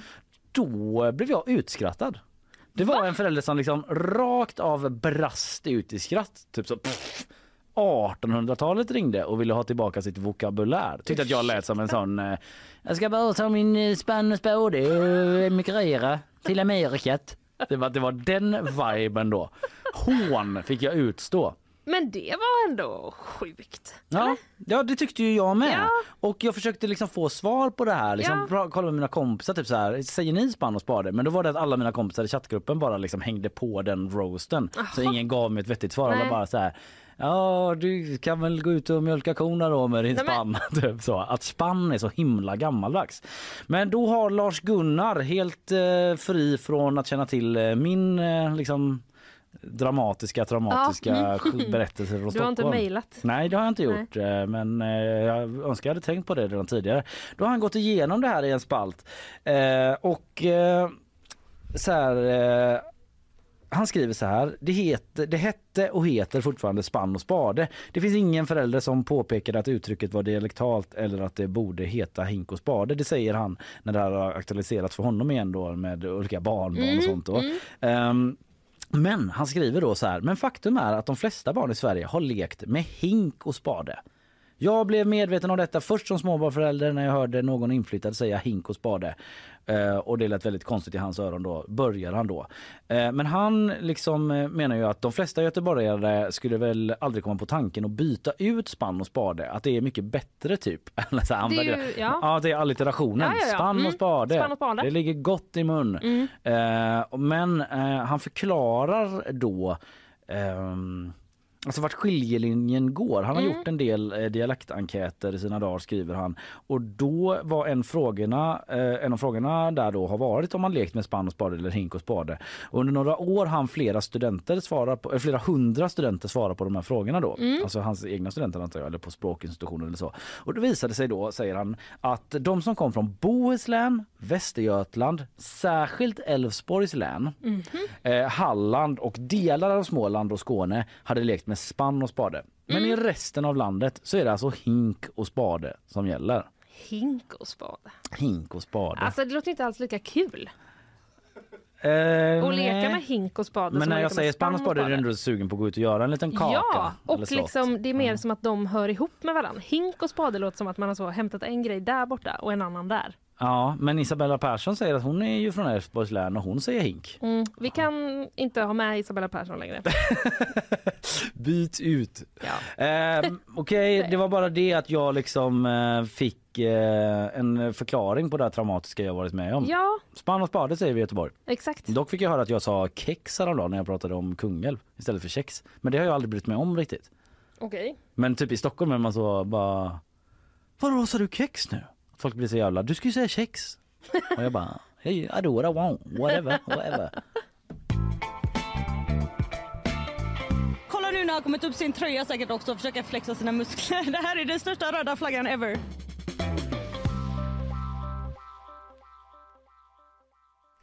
Jo, också som utlovat då så ska man nu få svar på var man bäst bor för att överleva en kärnvapenkatastrof. Ja, Eh, det, när man hör att informationen finns Mm. så vill man ju onekligen ha den. givetvis. känner jag. Eh, jag är alltså på vår egen sajt på gp.se och eh, läser och det är helt enkelt en ny studie som visar då att det finns eh, ställen som är bättre och sämre att bo på än andra om apokalypsen skulle vara framme. Mm. Eh, de flesta ligger eh, långt ifrån Sverige dock, av de här platserna. Ja, jag kan tänka att Men- de är ganska remote. Ja, i Men det utkanten. finns ett, eh, ett land i Norden som sticker ut. Men till att börja med då, om man, ska bara gå på hela världen, då är det Australien och Nya Zeeland som är ytterst lämpliga platser för den som vill överleva exempelvis ett kärnvapenkrig. Rapporterar The Guardian då enligt den här studien. Även eh, önationerna Vanuatu, Solomonöarna och eh, Island passar väl in för den som vill överleva. Island. Island? kan det vara så att de menar Island? Kränket i minen. Du var väldigt nöjd. Ja. Men absolut. Där fick jag dig du. Där fick jag dig. Jag ska rodna lite bara. Men Mm. jag går vidare. Eh, ja, Island då. Det är Ja. det. får vi väl ändå tro. Ska få semester till, I- eh, till Island faktiskt. Ja, vilken då? Island. Ja, ni fattar. Landet av eh, göklar och eh, valspäck Ja, och så vidare. Men varför är det så bra att vara på de här platserna då? jo. Alla dessa islands. Jo, så här är det. De här eh, de eh, tar till exempel upp då Australien och Nya Zeelands förmåga att själva producera föda till sin population. Ja, att de är lite självförsörjande på det självständig. sättet. Ja. Mm. Eh, och eh, ja, men man skriver också att de har större, de har möjlighet att kunna liksom, eh, ja, men, eh, föda en större befolkning även när, även när tillgången till solen skulle vara begränsad. Mhm. ja, om det blir sån där Ja. liksom atomvinter. Ja, just det. Mm. Om det blir någon sån grej. Mm. Ja, eh, men eh, eh, den begränsningen till solen, ja det skriver ju Viktor här såklart, att Mm. en sån begränsning kan ske exempelvis efter ja, men ett kärnvapenkrig eller om en stor asteroid kraschar Mm. in i jorden. Just det, sånt Så jättevulkanutbrott. Vulkanutbrott pratade vi med Erik Sturkell också om någon gång. Eh, vulkanologen som Mm. var här, liksom, om det blir sån askmoln över Ja. det hela. Mm. Ja, exakt. Jag ville bara flexa nu när jag var i liksom besserwisser-tagen här. Ja, Så ja, men fortsätter jag. fortsätt på Mm. den bara. Vi- Det är ju ändå slut om inte jättelång tid. Jag, kan, jag kan stå ut. Eh, eh, spännande också bara att eh, enligt studien finns det då vid en global eh, skulle, enligt studien skulle det vid en global katastrof finnas citat fickor av överlevare på andra Mhm. platser på jorden. Men eh, de utpekade länderna här då har bäst förutsättningar för att klara sig och i Norden är det då Island man ska åka till om man vill överleva, överleva ett kärnvapenkrig. Hör ni det? Island! Luddig information typ bara. Ah, fan nu är det kärnvapenkrig typ. Vart ska vi åka typ? Ja det finns ett land i Norden man kan åka till faktiskt. Island. Aldrig hört. Va? Vilken då? Vilken av dem? Det är en hel skärgård där ute. Är det Styrsö eller? Vi åker och chansar. Bara, nej det var inte det. Och så fortsätter man till olika islands innan man bara ah, Island. Fuck! Ja, ja, jag har redan cancer i 95% av kroppen på grund av allt kärnvapenkrig som pågår runt omkring. Det finns framförallt i Stockholm det som jag beskriver som ett klägg. Ett klägg av människor som går runt och kindpussar varandra.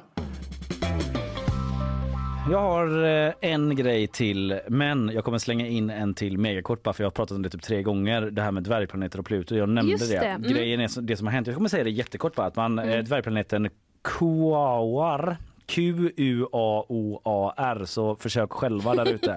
Eh, De ligger i det så kallade Kuiperbältet. Man har gjort en ganska slående upptäckt där tycker forskarna för att man har hittat en sån här ring som Mm. ju Saturnus har. Ja. Ja. Mm, jo. Ja, Mm, jag har inte fel på allt nej, nu nej, bara nej, för nej, att jag... nej. Det var jag som var Mm. osäker. Ja. Ehm, Jo, jag sa ju informationen till dig. jo, jo men alltså här, stämde det? Är det Jupiter eller Saturnus menar jag blev så. ja. Ja. i alla fall. Eh, men det är Saturnus, mycket bra. Det skriver New York Times här också så det är klart du har rätt Linnea. Ja, Eh, tvivla inte på mig. Nej, nej, jag tvivlar på mig själv. va. Upptäckten eh, förbryllar forskarna då eftersom den befinner sig på ett avstånd som den inte borde kunna vara på enligt gravitationen. Alltså man har någon sorts Mhm. uträkning på att en ring runt en planet ska vara på ett visst avstånd för att det ska funka. Jag försökte liksom läsa vidare. Nu blir det inte så himla kort det här ändå då. Men på Stockholms universitet som hade en artikel om det liksom men att om, om eh, man kommer innanför den Mm. eh, så kan typ inte så olika månader och sånt materialiseras och bli liksom hårda utan då är de i gas typ. Ja, det är en Aha, sån grej. ja. Eh, men då blir man väldigt, det är mycket märkligt konstaterar Bruno Morgado, professor vid universitetet i Rio de Janeiro som studerat ringen. Det är bara liksom helt ny information att ett sånt eh, Eh, en sån eh, ring alltså kan vara så himla långt ut.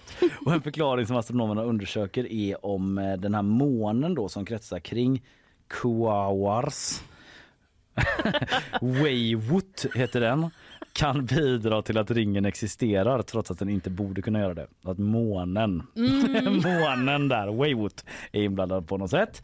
Jag går vidare bara med en jättekort sån då. Jag vill ändå få det sagt för jag har snackat det så mycket. ja, det var- ja, ja, det- ja, jättebra. Svårt att förstå ändå Men kanske. intressant. Intressant tycker jag Mm. också. Ja. Eh, då är det så att jag ska snabbt avsluta då med att det pågår ett VM i skidskytte som har flugit mig lite grann förbi, det ska jag erkänna. Men då nådde mig en artikel som handlade om den hårda kritiken efter VM-fadäsen. Eh, läser från Dagens Nyheter. Eh, citatet i rubriken är så här. Tycker att det är ett kraftuttryck. Det är nämligen så att någon har enligt eh, skidskyttestjärnan själv, Sebastian Samuelsson, använt kraftuttryck om hans fadäs.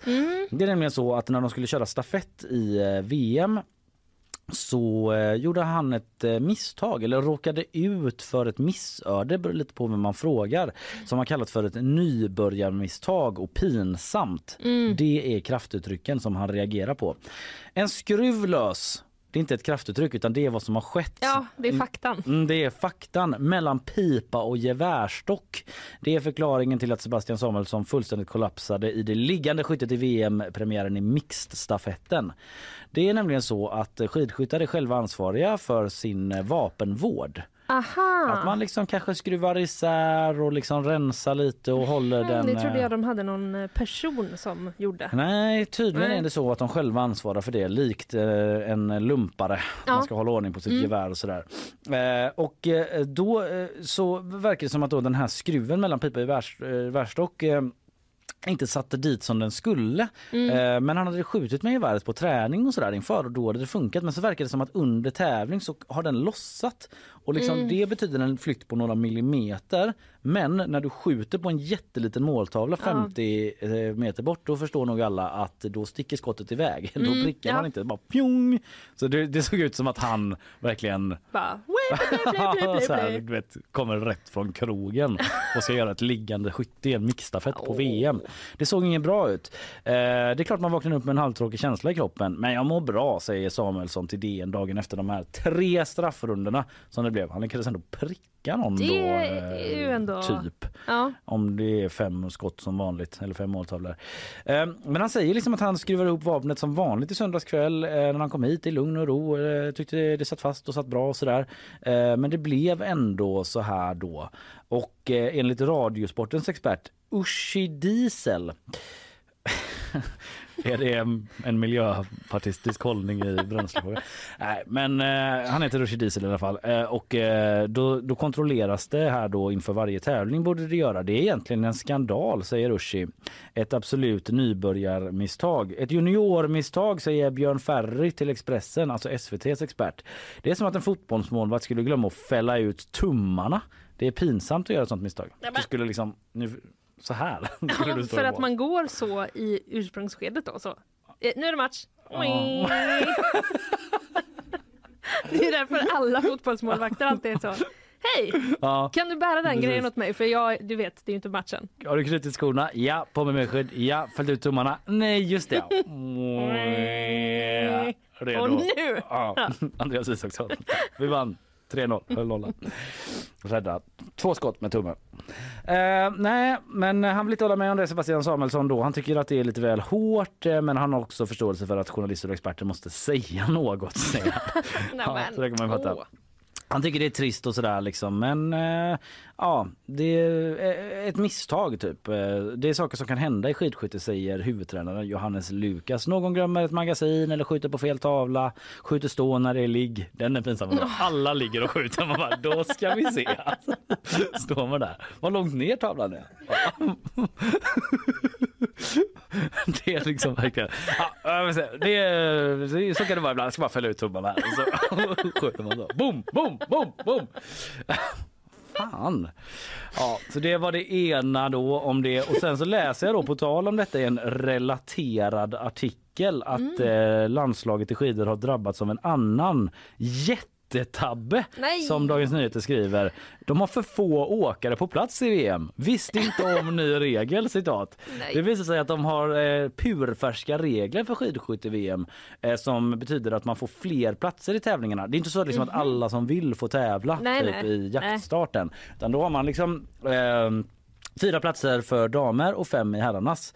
Eh, det var så Sverige i alla fall trodde att det var. De var övertygade om Mm. att så är det väl. Det är ju så det brukar vara. Helt fel skulle det visa sig, skriver Dagens Nyheter. Bara en dag innan de individuella loppen skulle startas i årets världsmästerskap så är det klart att Sverige har för få åkare på plats i Tyskland då där man är och kör i Oberhof. Eh, för det visar sig att man har nya regler som gör att liksom om länder som har åkare som är liksom högt eh, placerade, topp 15 i världskuppen, då har man rätt till extraplatser och det har Sverige. Så då skulle man liksom få ha eh, en extra damtävlanden och eh, som jag förstod det två extra för herrarna i någon tävling. Och då var det en damåkare som är på plats då. Så hon bara, ja ah, fan vad kul, jag kör väl då. Liksom. Ja, så var för, för de får vara med och tävla också då liksom. Ja, då får de vara med Ja, och tävla. ja. Då får man en plats till. Ja, Det har man mm. rätt till för att vi är så duktiga som nation då. Mm. Men herrarna, eh, där har man då två platser till och eh, då kan vi inte fylla dem. För att vi Nähä. kände liksom inte till det. Det Nej. finns några som är eh, på någon sorts eh, liksom eh, Reservlista. Ja, reservlista. De tävlade liksom IBU-kuppen som är liksom en nivå under världskuppen då. Mm. Eh, de hade kunnat vara med men då har de eh, haft flera fall av covid-19 i den truppen då. Aha. Och då vill inte de åka dit för då kan de smitta resten av laget. Mm. Eh, så därför skiter man i det. Och den smittan kanske de inte hade haft om de visste då att de skulle få åka i riktiga VM. Nej, då kanske de hade varit mer försiktiga typ eller något. Ja, precis. Ja. Ja. eh, en jättetabbe då, tycker vissa av... Eh, Men var det bara liksom Sverige som inte hade fattat det här? Eller eh, hade Nej. alla andra länder koll? Nej, det verkar vara några andra eh, eh, eh, några andra länder som, eh, som också har råkat ut för det här. Ja, då kan vi bilda en studiegrupp med dem och läsa regler. Ja, verkligen. Eh, Men alltså typ en norsk eh, eh, ansvarig där säger att det är väldigt oprofessionellt av IBU, alltså organisationen då. Mm. Typ att inte informera om det här bättre och så. Okej. Ja, ta Ja. två tabbar för Sverige i skidskytte-VM är väl det jag försöker komma fram till här. Eh, nu eh, är det väl ändå hög tid. Jag ska bara säga en sak om en måne till en exoplanet. Eh, nej, det var allt för idag. Vi har haft quiz där du eh, återtog eh, liksom ledartröjan med en vinst mot kulturens Anna Rosenström. Ja, det känns fantastiskt. Ja, det var väldigt, väldigt höga poäng från dig Ja, det var det faktiskt. Det måste man säga. Eh, sen har vi också pratat om att Sverige inte kommer skicka JAS Gripen till Ukraina, åtminstone inte i nuläget. Eh, jag har även pratat om... Eh, kommer inte ihåg. Nej, och nu fick jag kris. Ja, när- men du har pratat om i alla fall eh, invasiva arter. Ja, som, precis. Det blir mindre pengar till det. Eh, så det blir, det blir eh, inga pengar till att eh, bekämpa dem helt enkelt. Sen pratade jag också lite om Riksbanken. Igår var ju då Erik Thedéens allra första eh, räntebesked i eh, historien. 0,5 procentenheter höjdes det med. Ja just det och det jag pratade om var ju ifall eh, man ska utreda då i Göteborg vill Moderaterna och oppositionen med Axel Josefsson i spetsen om det liksom föregår kriminalitet på fritidsgårdar Ja. i stan och det finns liksom Ja. gängkopplingar där eh, så som Ja. det har varit rapporterats om i Botkyrka. Mm. Hela den biten, en liten recap på hela den historien som är lite besvärande för sossarna helt enkelt. Ja. Vill man höra något om detta igen så lyssna på podden. Den kommer ut här under förmiddagen på relevanta poddplattformar. Visst är det så? Mm, så är det. Och titta på solen och den blåa, blåa himlen. Det är otroligt. Helg. Nu går vi snart ut i helgen medan Mm. andra kanske börjar jobba. Ja, Men det. håll ut, snart är det helg. Hej så länge. Hej!